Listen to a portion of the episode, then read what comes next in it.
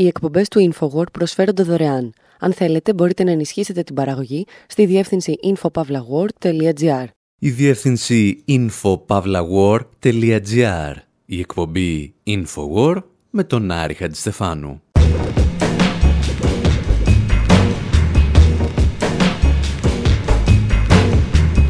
όπου σήμερα θυμόμαστε μερικά αποτυχημένα πραξικοπήματα που σημειώθηκαν στις Ηνωμένες Πολιτείες. Αναρωτιόμαστε αν υπήρξε ποτέ περίπτωση να επιβληθεί ο φασισμός απ' έξω ή θα ήταν πιθανότερο να επικρατήσει από μέσα. Και ζητάμε γι' αυτό τη βοήθεια του συγγραφέα Φίλιπ Ντίκ.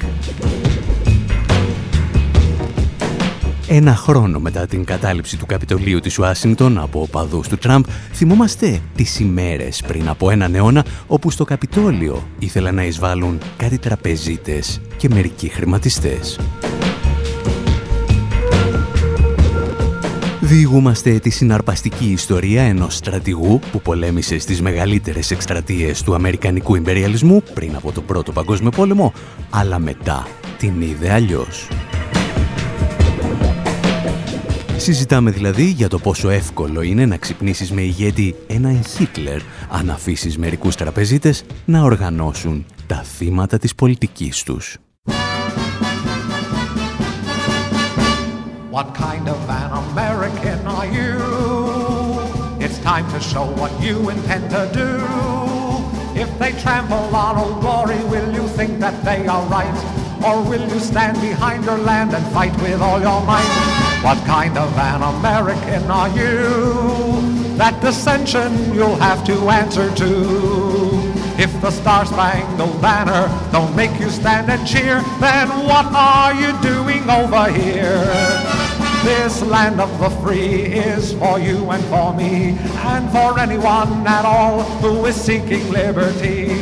We welcomed every stranger and we lent a helping hand. And now that we're in danger, it is time to understand. Your Uncle Sam is calling you to lend a helping hand. If you're true blue, it's up to you to show just where you stand. Σε ένα παλιό αμερικανικό τραγούδι του Πρώτου Παγκοσμίου Πολέμου τίθεται με σαφήνεια και επιμονή ένα ερώτημα. Τι σόι Αμερικάνος είσαι εσύ; Το τραγούδι καλεί τους μετανάστες που ζουν στη χώρα να αποδείξουν ότι το αξίζουν και ο καλύτερος τρόπος είναι λέει να πολεμήσουν για την αστερόεσα στον Πρώτο Παγκόσμιο Πόλεμο. Τα πράγματα στο τραγούδι είναι ξεκάθαρα. Η Αμερική είναι η χώρα της ελευθερίας και της δημοκρατίας και όταν τα δύο αυτά στοιχεία απειλούνται από το εξωτερικό, όλοι πολεμούν ενωμένοι για να τα διασφαλίσουν. Αλλά δεν τα καταφέρνουν πάντα.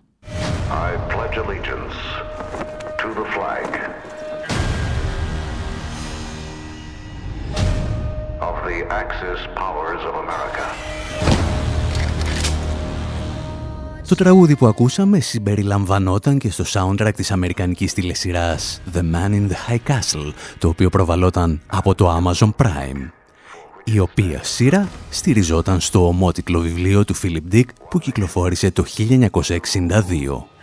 Ο άνθρωπος από το υψηλό κάστρο. Εάν δεν το έχετε διαβάσει, η υπόθεση εκτιλήσεται στη μεταπολεμική Αμερική, μόνο που σε εκείνη την ιστορία τον πόλεμο είχε κερδίσει η ναζιστική Γερμανία. Ο πρόεδρος Φράγκλιν Ρούσβελτ είχε δολοφονηθεί από το 1933 και οι μαζικές δημόσιες επενδύσεις που προωθούσε με το περίφημο New Deal δεν εφαρμόστηκαν ποτέ. Με αυτά και με αυτά, οι Ηνωμένες Πολιτείες έχασαν τελικά τον πόλεμο το 1946, όταν η ναζιστική Γερμανία έριξε μια ατομική βόμβα στην Ουάσιγκτον. Και η Αμερική έγινε μια φασιστική χώρα που ελεγχόταν από τη Γερμανία και την αυτοκρατορική Ιαπωνία. Θα πρέπει βέβαια να σημειώσουμε ότι ακόμη και αυτό το φανταστικό σενάριο δεν ξεφεύγει και πολύ από την επίσημη αφήγηση. Ο φασισμός στην Αμερική, αφήνει να εννοηθεί ο Φίλιπ Ντίκ, μπορεί να επιβληθεί μόνο από το εξωτερικό και μόνο εάν η χώρα καταληφθεί από ξένες δυνάμεις. Τι γίνεται όμως αν ο φασισμός έρχεται μέσα από την Αμερική; Events in Washington have taken a violent and tumultuous turn in the past few hours. as thousands of supporters of President Trump stormed the US Capitol building, venting their anger at the victory of Joe Biden in the presidential election. Τον Ιανουάριο του 2021 τα διεθνή μέσα ενημέρωσης μετέδιδαν το αδιανόητο. Το κτίριο του Καπιτολίου είχε καταληφθεί από οπαδούς του Ντόναλτ Τραμπ σε μια επίθεση που ορισμένοι αποκαλούν απόπειρα πραξικοπήματος. Η Αμερική συνειδητοποιούσε με τρόμο ότι ο φασισμός θα μπορούσε θεωρητικά να επιβληθεί από το εσωτερικό με ένα πραξικόπημα στην ηγεσία του οποίου θα βρισκόταν ένας επιχειρηματίας. Ένα χρόνο μετά την εισβολή στο Καπιτόλιο, αρκετές εφημερίδες από την Washington Post μέχρι τον Guardian θυμήθηκαν μία άλλη απόπειρα πραξικοπήματος που ορισμένοι πιστεύουν ότι έφτασε πολύ κοντά στην ανατροπή αν όχι τη δολοφονία του πρόεδρου Ρούσβελτ. Και σε αυτή την αληθινή ιστορία πίσω από το πραξικόπημα βρίσκονταν τραπεζίτες και χρηματιστές της Wall Street, όπως παραδείγματος χάρη κάποιος JP Morgan Jr., για τον οποίο είχε γραφτεί στις αρχές του 20ου αιώνα και αυτό το τραγουδάκι. Το ακούμε γιατί θα μας βοηθήσει να πιάσουμε την ιστορία μας από την αρχή.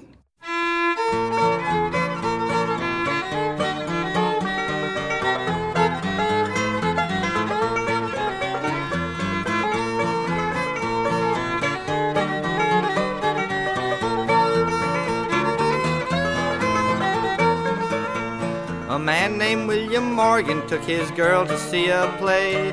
And on the journey homeward, they stopped into a cafe. As soon as they got seated, Liza grabbed the bill of fare. She called the waiter and she ordered everything was there. Bill says, I know you're hungry, girl, and I don't like to squeal. But who do you suppose is going to pay for such a meal? You may have known me pretty long, but you sure have got my initials wrong. My name is Morgan, but it ain't JP. My name is Morgan, but it ain't JP. You must think I own a railroad company. You may have known me pretty long, but you sure have got my initials wrong. My name is Morgan, but it ain't JP.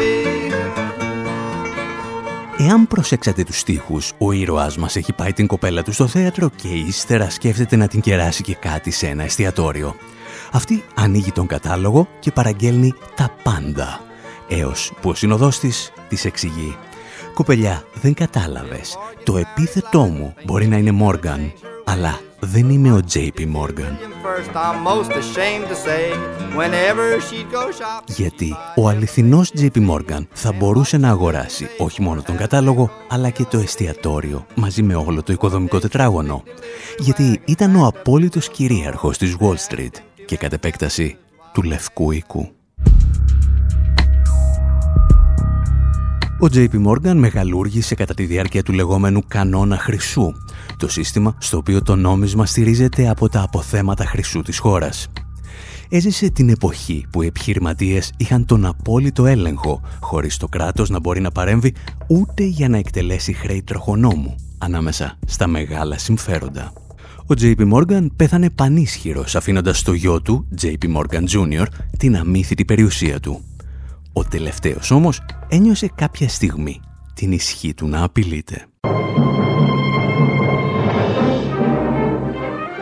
October 29th, 1929. Black Tuesday. The New York Stock Exchange is in a panic. Το κράχ του 1929 και η μεγάλη ύφεση που ακολουθεί αναγκάζει το Αμερικανικό κράτος να παρέμβει για τη διάσωση της οικονομίας. Ο πρόεδρος Ρούσβελ προωθεί μεγάλα δημόσια έργα για να τονώσει την οικονομία και να δημιουργήσει θέσεις εργασίας. Παράλληλα, ανακοινώνει την έξοδο από τον κανόνα χρυσού. Και δεν το κάνει φυσικά για να σώσει τους εργάτες, αλλά για να σώσει το ίδιο το κεφάλαιο σε βάθος χρόνου. Αρκετοί όμως από τους μεγαλύτερους χρηματιστές και τραπεζίτες της εποχής δεν μπορούν να δουν τα μακροπρόθεσμα ωφέλη, αλλά μόνο τις άμεσες ζημιές. Και σύμφωνα με μία εκδοχή της ιστορίας, κάποιοι από αυτούς αποφασίζουν να ανατρέψουν τον πρόεδρο των Ηνωμένων Πολιτειών της Αμερικής. In 1933 and 1934, an alleged plot to overthrow the government of Franklin Delano Roosevelt, FDR, by Wall Street bankers Το 1933 και 1934 ίσως συνέβη μια φερόμενη συνωμοσία για την ανατροπή της κυβέρνησης του Franklin Delano Roosevelt από τραπεζίτες της Wall Street. Οι εφημερίδες εποχής την αποκάλεσαν μια γιγαντιαία φάρσα, όμως άλλοι, όπως η Ειδική Επιτροπή Αντιαμερικανικών Δραστηριοτήτων της Βουλής, βρήκαν τους ισχυρισμούς αξιόπιστους. Κατά την προεκλογική καμπάνια του 1932, η υπόσχεση του Roosevelt να δώσει δουλειές για τους άνεργους τρόμαξε τους επιχειρηματίες. Φοβήθηκαν ότι θα μετέτρεπε το καπιταλιστικό κράτος σε σοσιαλιστικό και θα πραγματοποιούσε απερίσκεπτε κατά την άποψή τους δημόσιες δαπάνες. Επιπλέον, μία από τις πρώτες οικονομικές πράξεις του Ρούσβελτ ήταν να εγκαταλείψει τον αγώνα Χρυσού το 1933. Οι συντηρητικοί εξοργίστηκαν. Ο γερουσιαστής Χέρι Χάτφιλντ έγραψε Αυτό είναι δεσποτισμός. Αυτό είναι τυραννία. Αυτό είναι η εξολόθρωση της ελευθερίας.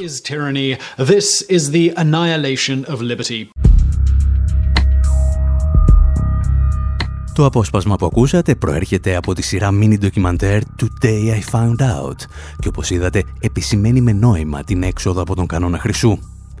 Η συγκεκριμένη κίνηση θα μπορούσε να δημιουργήσει μεταξύ άλλων και τον κίνδυνο πληθωρισμού.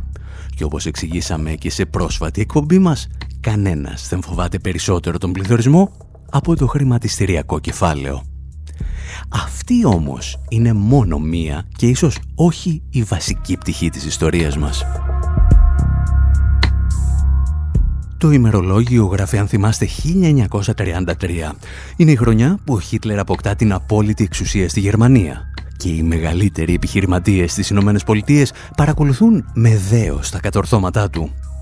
Ο αντισημίτης Χένρι Φόρντ συνεργαζόταν ήδη με την πολεμική βιομηχανία της ναζιστικής Γερμανίας.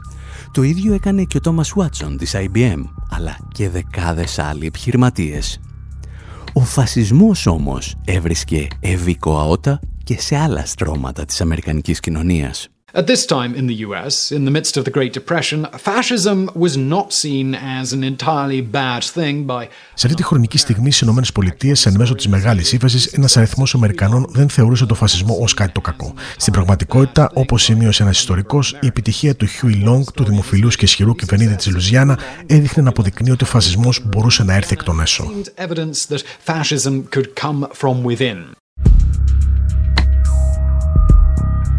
Ο φασισμός θα μπορούσε σε ελάχιστο χρονικό διάστημα να αποκτήσει γερές φάσεις στις Ηνωμένες Πολιτείες και το έφορο έδαφος γι' αυτό θα αποτελούσαν οι βετεράνοι του Πρώτου Παγκοσμίου Πολέμου.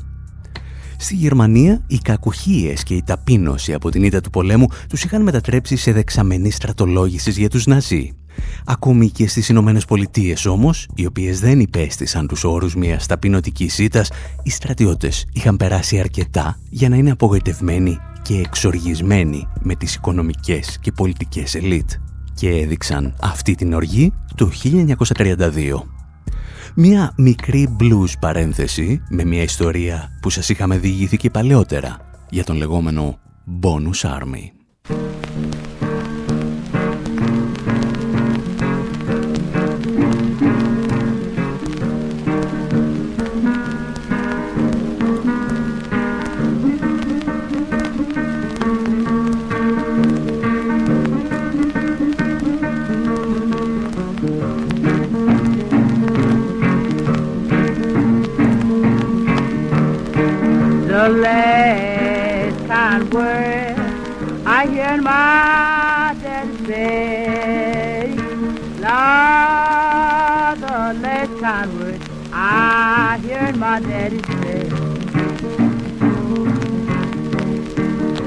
I die, if I die in the German wall, I want to see my body sending to my mother-in-law.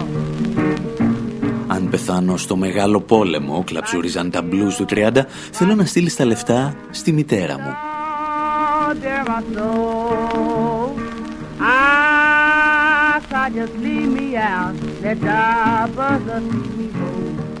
Δεκάδες δημιουργοί των blues τραγουδούσαν για το Bonus Army, το στρατό του επιδόματος.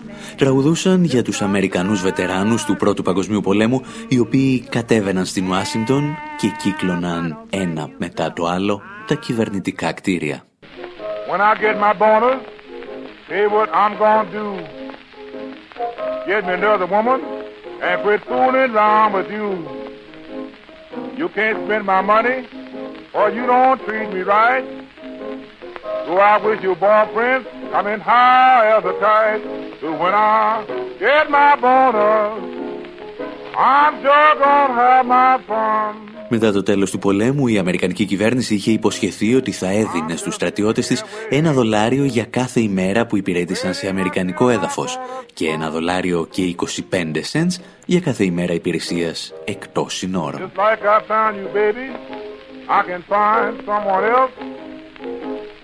That's why, baby, τα χρόνια όμως περνούσαν από τον Πρώτο Παγκόσμιο Πόλεμο. Το ημερολόγιο έγραφε πλέον Ιούνιος του 1932 και το ίδιο οικονομικό σύστημα που οδήγησε τη χώρα στον Πρώτο Παγκόσμιο Πόλεμο έφερνε και την απόλυτη εξαθλίωση. Πρώτα με το κράχ του 29 και μετά με την ύφεση του 30. Ήταν η στιγμή όπου οι στρατιώτες αποφάσισαν ότι είχε έρθει η ώρα να ζητήσουν τα χρήματα που δικαιούνται.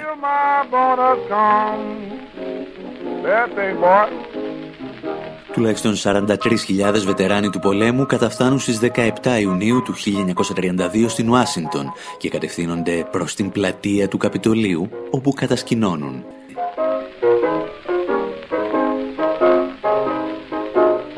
Η Αμερικανική κυβέρνηση σε κατάσταση πανικού αποφασίζει να αντιδράσει και επειδή η αστυνομία δεν αρκούσε, το δύσκολο αυτό έργο ανέλαβε ο στρατός.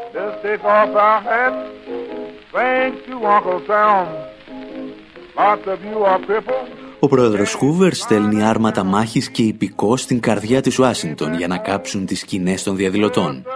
Τα περιέγραφαν όμως καλύτερα τα παπαγαλάκια της εποχής, τα αμερικανικά επίκαιρα. It's war. The greatest concentration of fighting troops in Washington since 1865. Βρισκόμαστε σε πόλεμο. Πρόκειται για τη μεγαλύτερη συγκέντρωση στρατευμάτων στην Ουάσιγκτον από το 1867. Πρέπει να υπακούσουμε τις διταγές του Προέδρου. Ο ήχος της φωτιάς βάζει το τελευταίο καρφί στο φέρετρο του Bonus Army, με φώτο τον όμορφο τρούλο της πρωτεύουσας των Ηνωμένων Πολιτειών της Αμερικής.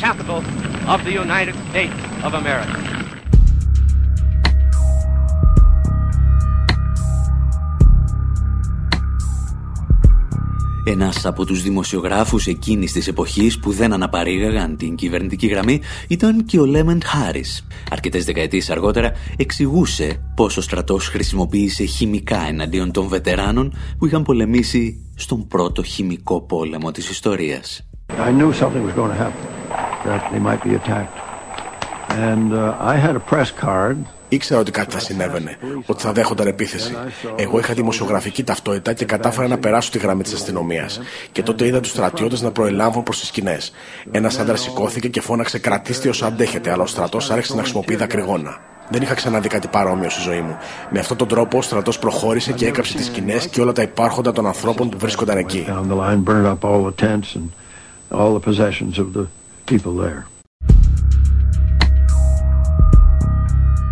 Οι εξαθλειωμένοι φαντάροι του Πρώτου Παγκοσμίου Πολέμου λοιπόν θα μπορούσαν εύκολα να μετατραπούν στη δεξαμενή από την οποία θα στρατολογούσαν τις δυνάμεις τους οι επίδοξοι πραξικοπηματίες στις Ηνωμένες Πολιτείες. Μόνο που κάτι στράβωσε και θα το ακούσουμε στο δεύτερο μέρος της εκπομπής.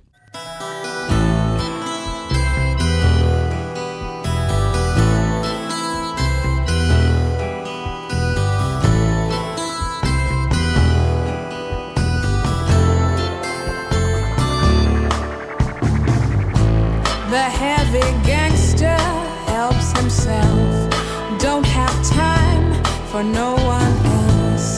Brittle bones and rotten veins celebrate ill-gotten gains. No time for justice or sweetness and light. How does he thrust his weakness aside? The grass is hissing to disallow this misappropriation now.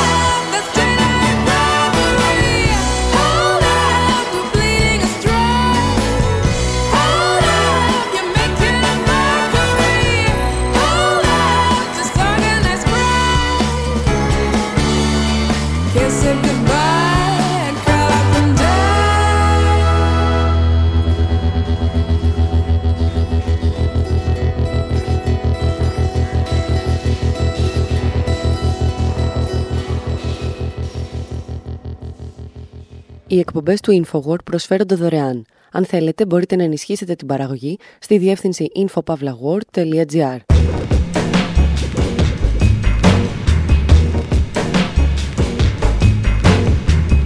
Εκπομπή InfoWord, μέρος δεύτερο. Όπου σήμερα θυμόμαστε ένα πραξικόπημα που δεν έγινε ποτέ στην Αμερική. Αλλά εάν είχε γίνει θα μπορούσε να φέρει τη χώρα στο πλευρό του Αδόλφου Χίτλερ. Είδαμε ποιοι θα ήθελαν να το πραγματοποιήσουν, κάτι χρηματιστές και τραπεζίτες της Wall Street και υποπτευόμαστε από πού θα ζητούσαν βοήθεια. Από τους εξαθλειωμένους φαντάρους του Πρώτου Παγκοσμίου Πολέμου. Συνεχίζουμε λοιπόν την ιστορία μας από εκεί που την αφήσαμε, με τον Bonus Army.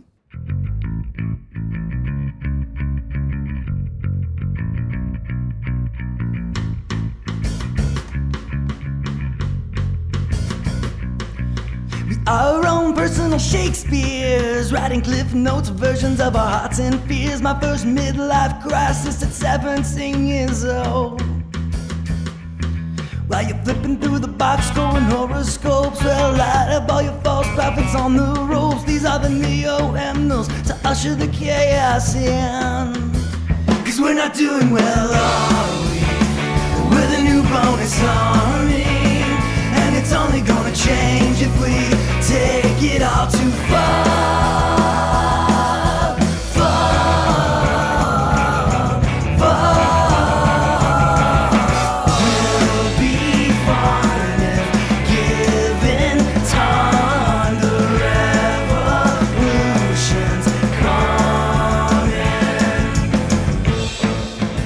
Το συγκρότημα που ακούτε, όπως και το τραγούδι, ονομάζονται New Bonus Army και αυτές είναι οι μόνες πληροφορίες που καταφέραμε να συλλέξουμε για αυτούς.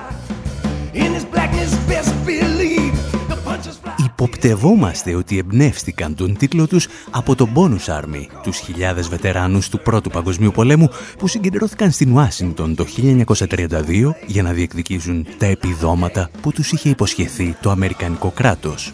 Γιατί, αν κάνουμε λάθος, τζάμπα ακούτε το τραγούδι όλη αυτή την ώρα. Take it all too Σε κάθε περίπτωση, το Bonus Army της δικής μας ιστορίας εξεγέρθηκε εναντίον του Αμερικανικού κράτους και κατεστάλλει άγρια από αυτό. Οι βετεράνοι του πολέμου ήταν λοιπόν εξοργισμένοι, πεινασμένοι και ταπεινωμένοι. Είχαν δηλαδή παρόμοια χαρακτηριστικά με τους συναδέλφους τους στη Γερμανία, οι οποίοι αποτελούσαν τη δεξαμενή στρατολόγησης για το ναζιστικό κόμμα; Τα εξηγούσαν και οι δημιουργοί της σειράς mini ντοκιμαντέρ «Today I Found Out». The impoverished but well trained veterans of the First World War were the ideal candidates for a fascist militia, and through the American Legion, they were already organized and uniformed with nearly a million Οι members. φτωχοί αλλά καλά εκπαιδευμένοι βετεράνοι του Πρώτου Παγκοσμίου Πολέμου ήταν ιδανικοί υποψήφοι για μια φασιστική πολιτοφυλακή. Μέσω της Αμερικανικής Λεγεώνας ήταν ήδη οργανωμένοι με στολές και είχαν σχεδόν ένα εκατομμύριο μέλη. Αυτό μας φέρνει στο στρατηγός Μέντλι Μπάτλερ. Αναμφίβολα, ο Μπάτλερ ήταν ένας Αμερικανός ήρωας. Μπήκε στους πεζοναύτες ηλικία 16 ετών, πέρασε ένα διάστημα στην Κούβα το 1898 και κατά την εξέγερση των Μπόξερ αναγνωρίστηκε ο εξαιρετικός του ηρωισμό. Αργότερα έλαβε δύο μετάλλια Ανδρεία και συνέχισε να έχει λαμπερή καριέρα μέχρι που ανελήχθη στο βαθμό του υποστράτηγου έπειτα από μερικές δεκαετίες υπηρεσίας. Δεν ήταν υποχείριο των ανωτέρων του και συχνά ήρθε σε αντιπαράθεση με τους ισχυρούς. Για παράδειγμα, το 1932 υπερασπίστηκε το λεγόμενο στρατό του Μόνους, μια διαμαρτυρία 20.000 φτωχών βετεράνων του Πρώτου Παγκοσμίου Πολέμου που είχαν κατασκηνώσει στην Ουάσιγκτον διεκδικώντας επιδόματα. War One veterans camped out in Washington, D.C., trying to obtain benefits. Το ντοκιμαντέρ παρουσιάζει τον Μπάτλερ σαν έναν Αμερικανό ήρωα. Μόνο που ο ίδιος δεν αισθανόταν έτσι. Έχοντας υπηρετήσει για τρεις δεκαετίες όλους τους υπεριαλιστικούς πολέμους των Ηνωμένων Πολιτειών, αισθανόταν περισσότερο σαν ένας εγκληματίας του κοινού ποινικού δικαίου. Και όπως έγραψε σε ένα από τα κείμενά του, ήταν χειρότερος και από τον Αλ Καπόνε. Πέρασα 33 χρόνια στρατιωτικής υπηρεσίας και σε αυτή την περίοδο έπαιξα κυρίως το ρόλο του μπράβου των μεγαλοπιχειρηματιών της Wall Street και των τραπεζιτών. Εν συντομία, ήμουν ένας γκάγκστερ του καπιταλισμού. Βοήθησα να καταστεί το Μεξικό και ειδικά το Ταμπίκο ασφαλέστερο για τα αμερικανικά πατερλαϊκά συμφέροντα το 1914. Βοήθησα να γίνουν η Κούβα και η Αϊτή ένας καλός τόπος εισοδήματος για τα παιδιά της National City Bank. Βοήθησαν στο βιασμό μισής τουζίνα δημοκρατιών της Κεντρικής Αμερικής προς όφελος της Wall Street.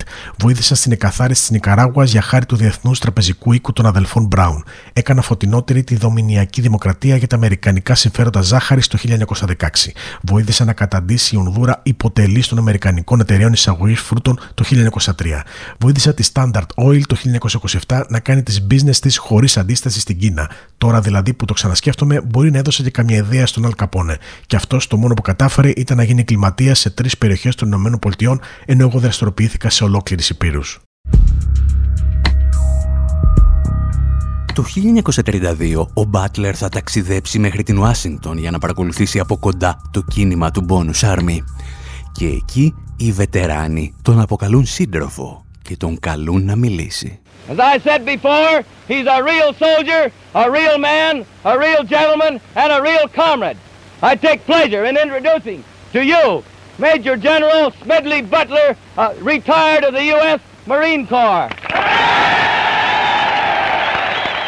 Ο Μπάτλερ θα ανέβει στην αυτοσχέδια εξέδρα και θα μαγέψει τους βετεράνους του Πρώτου Παγκοσμίου Πολέμου με ιστορίες από τα μετάλλια του και τα εγκλήματά του. Want to tell you why I'm here. For 35 years I've been a soldier. A Marine, that same thing. Yeah; I'll tell you why it is. Οι φτωχοί βετεράνοι του πολέμου όμως δεν είναι οι μόνοι που εντυπωσιάζονται από την παρουσία του Μπάτλερ. Όπως τα καταθέσει ο ίδιος μερικά χρόνια αργότερα, οι επίδοξοι πραξικοπηματίες στέλνουν εκπροσώπους τους και προσπαθούν να τον στρατολογήσουν. Θέλουν να ηγηθεί ομάδες πολιτοφυλακής που θα ανατρέψουν τον πρόεδρο Ρούσβελτ και θα τοποθετήσουν στη θέση του μια φασιστική δικτατορία. Οι λεπτομέρειες όσων ακολούθησαν χάνονται ανάμεσα στα όρια της πραγματικότητας και του αστικού μύθου.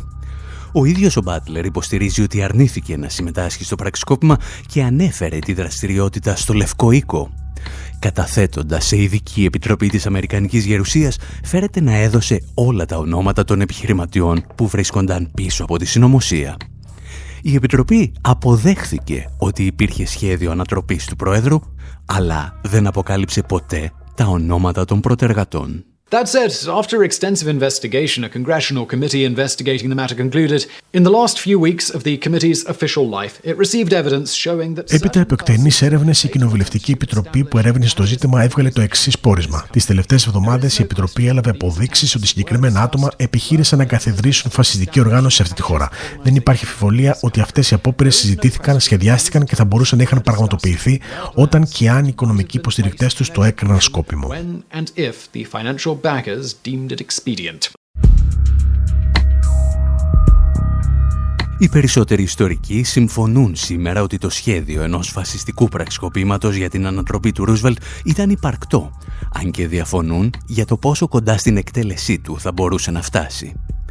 Για άλλη μια φορά όμως, αρκετές από τις θεωρίες που διατυπώνονται αναπαράγουν μια μάλλον απλουστευτική αφήγηση.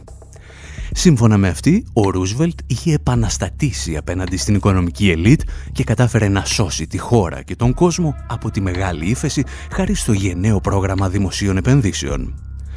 Μία ιστορία που παρεπιπτόντος κάποιοι θέλουν να διηγηθούν σήμερα και για τον Biden.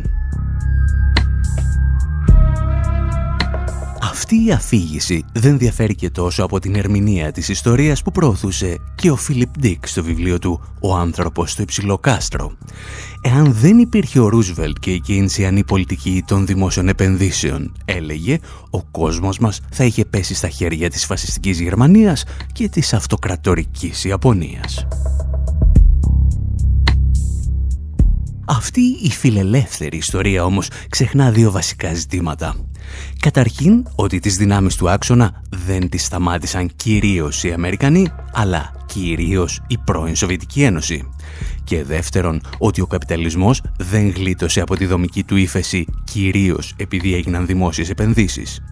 κυρίως γλίτωσε επειδή ακολούθησε ο δεύτερος παγκόσμιος πόλεμος που κατέστρεψε παραγωγικές δυνάμεις και επέτρεψε στο σύστημα να κερδοφορήσει με την ανοικοδόμηση. Ας κρατήσουμε λοιπόν από το αποτυχημένο πραξικόπημα του 1933 ότι ο φασισμός θα μπορούσε να έχει επικρατήσει στις Ηνωμένες Πολιτείες και από μέσα, χωρίς δηλαδή η χώρα να καταληφθεί από ξένα στρατεύματα. Μόνο με την παρουσία ορισμένων χρηματιστών όπως ο JP Morgan Jr. Γεγονός που μας θυμίζει και μία άλλη ιστορία που είχαμε διηγηθεί πριν από μερικά χρόνια ότι τράπεζες όπως η JP Morgan που φέρονται να συμμετείχαν στην προσπάθεια ανατροπής του Ρούσβελτ πριν από μερικά χρόνια επιχείρησαν να αλλάξουν και τα μεταπολεμικά συντάγματα σε χώρες της Νότιας Ευρώπης. Μια ιστορία που ξεκινούσε με αυτό το τραγούδι.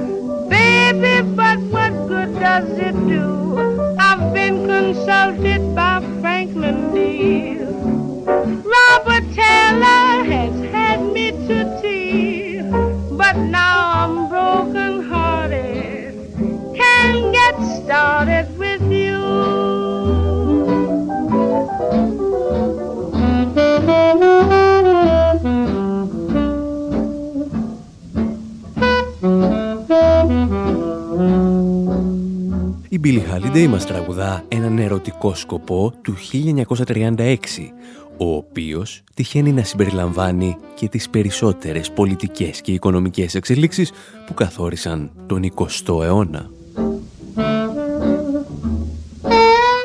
Εγώ, λέει, γυρίζω τον κόσμο με ένα αεροπλάνο και τερματίζω τον Ισπανικό εμφύλιο. Εμένα, λέει, με συμβουλεύεται ακόμη και ο πρόεδρος Ρούσβελτ, αλλά δεν μπορώ να κερδίσω μια θέση στην καρδιά σου. Το τραγούδι είναι γραμμένο από τον Ήρα Γκέρσουινγκ, αδερφό του George Γκέρσουινγκ, και στις διάφορες διασκευές του μαθαίνουμε πολλά περισσότερα για τις δεκαετίες του 20 και του 30, τις δεκαετίες που οδήγησαν στην άνοδο του φασισμού και στο δεύτερο παγκόσμιο πόλεμο. Το 1929, λέει ένας στίχος, σορτάριζα στην Wall Street και όταν η JP Morgan υποκλεινόταν, εγώ απλώς σου έγνεφα. Και κάπου εδώ η Billie Holiday έχει αρχίσει να περιγράφει και την δική μας εποχή με αναφορές στα τέλη της δεκαετίας του 20 και τις αρχές του 30 που θυμίζουν όμως τις πρώτες δεκαετίες του 21ου αιώνα.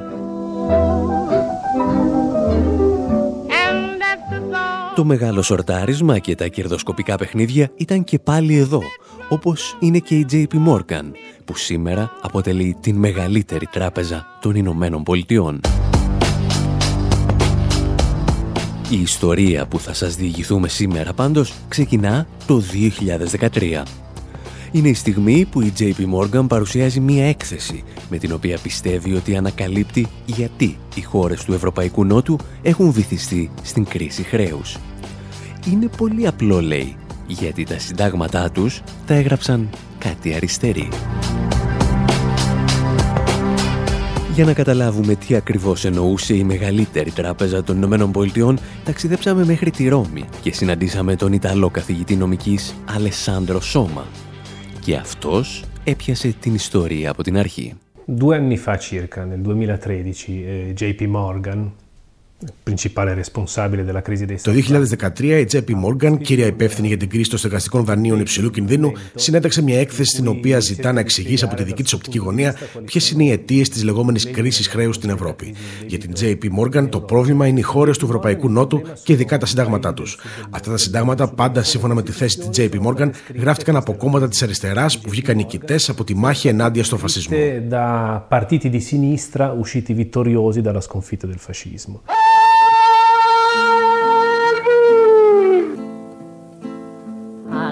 Mattina.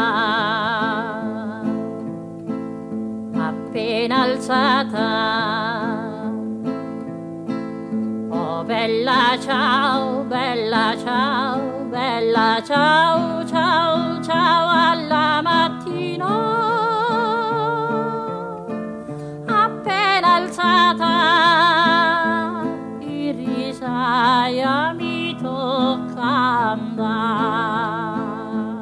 Ιταλοί παρτιζάνοι, όπως και πολλοί αντάρτες σε όλη την Ευρώπη, τραγουδούν το Μπέλα Τσάο, ενώ μάχονται το φασισμό. Και μαζί με τα στρατεύματα του Μουσολίνη και του Χίτλερ, μάχονται και το οικονομικό σύστημα που αυτοί πρεσβεύουν. Δηλαδή, τον καπιταλισμό ντοπαρισμένο με αναβολικά. Σε όλες σχεδόν τις χώρες, εκτός φυσικά από την Ελλάδα, οι δυνάμεις της αριστεράς θα βγουν νικήτριες στη μάχη με το φασισμό. Και αυτή η νίκη αντικατοπτρίζεται και στα πρώτα αντιφασιστικά συντάγματα που υιοθετούνται μετά τον Δεύτερο Παγκόσμιο Πόλεμο. Le Costituzioni che hanno segnato la fine del fascismo hanno voluto affermare un principio molto importante. Αυτά τα συντάγματα που σήμαναν το τέλος του φασισμού θέλησαν να εδραιώσουν μια πολύ σημαντική αρχή.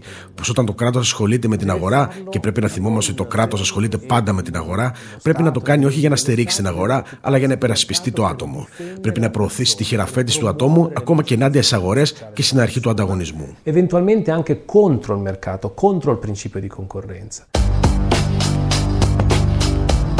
Ένα σύνταγμα δεν είναι τίποτα περισσότερο από την καταγραφή σε χαρτί των ισορροπιών ανάμεσα σε αντικρουόμενες κοινωνικές ομάδες και τάξεις. Τα συντάγματα που ψηφίζονται λοιπόν στις τάχτες του Δευτέρου Παγκοσμίου Πολέμου αντικατοπτρίζουν μια τέτοια ισορροπία. Οι δυνάμεις της αριστεράς που έχουν κερδίσει την ηθική αναγνώριση μέσα από τη μάχη με το φασισμό βάζουν το λιθαράκι τους, φέρνοντας στο προσκήνιο τον άνθρωπο και τον εργαζόμενο. Παράλληλα όμως και οι οικονομικές ελίτ θέλουν ένα ισχυρό κράτος το οποίο θα λειτουργήσει σαν ατμομηχανή της οικονομίας. Λίγα χρόνια αργότερα, ο Ντεγκόλ στη Γαλλία ή ακόμη και ο Καραμανλή στην Ελλάδα εκφράζουν αυτή την απέτηση και έτσι τα συντάγματα που υιοθετούνται έχουν ο λίγον από άνθρωπο και ο λίγον από κράτος πρόνοιας μέσα τους. Αυτό το λίγον όμως φαίνεται ότι σήμερα ενοχλεί τις τράπεζες και την Ευρωπαϊκή Ένωση που ζητούν συνταγματικές μεταρρυθμίσεις. Αυτά όμως θα τα συζητήσουμε ύστερα από ένα μικρό διάλειμμα. Ο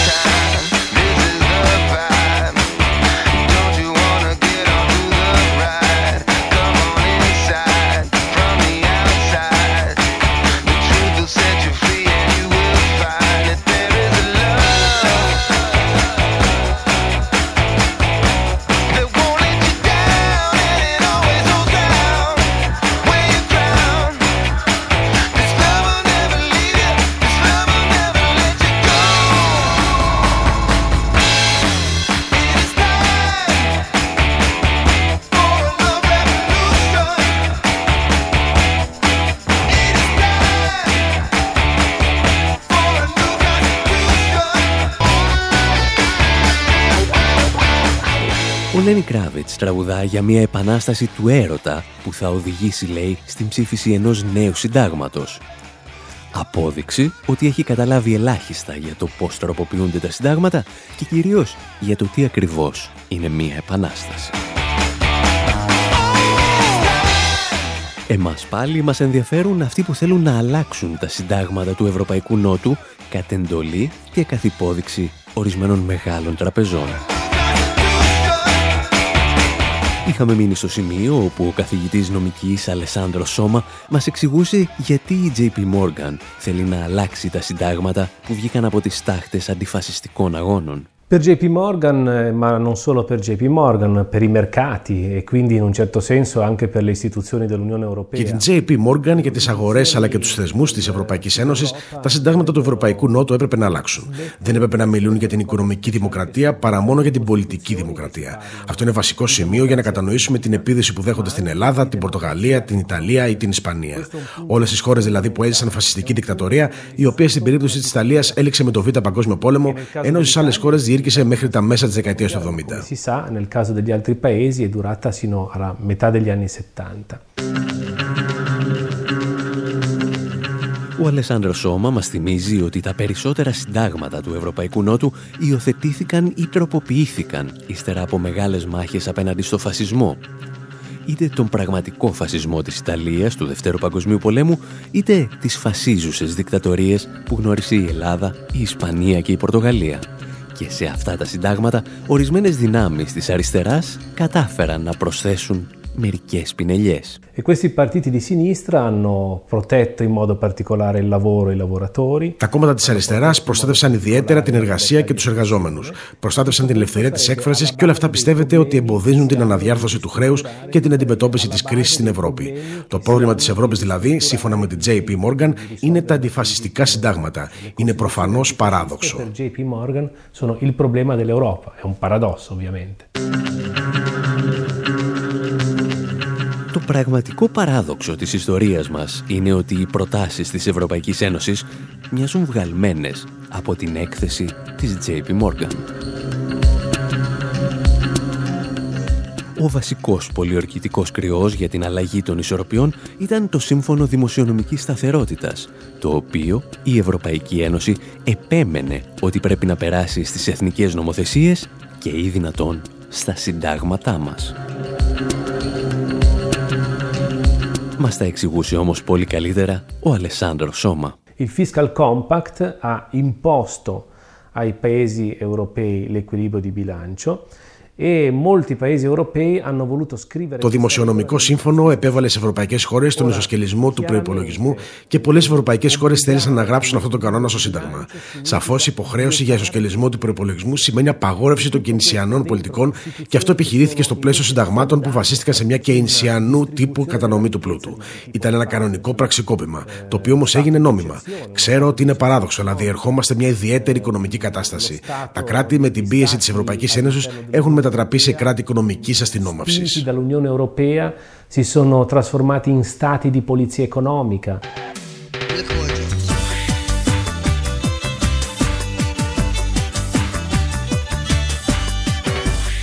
Εμείς πάλι κάπου εδώ θα σας αφήσουμε να πάτε στο καλό.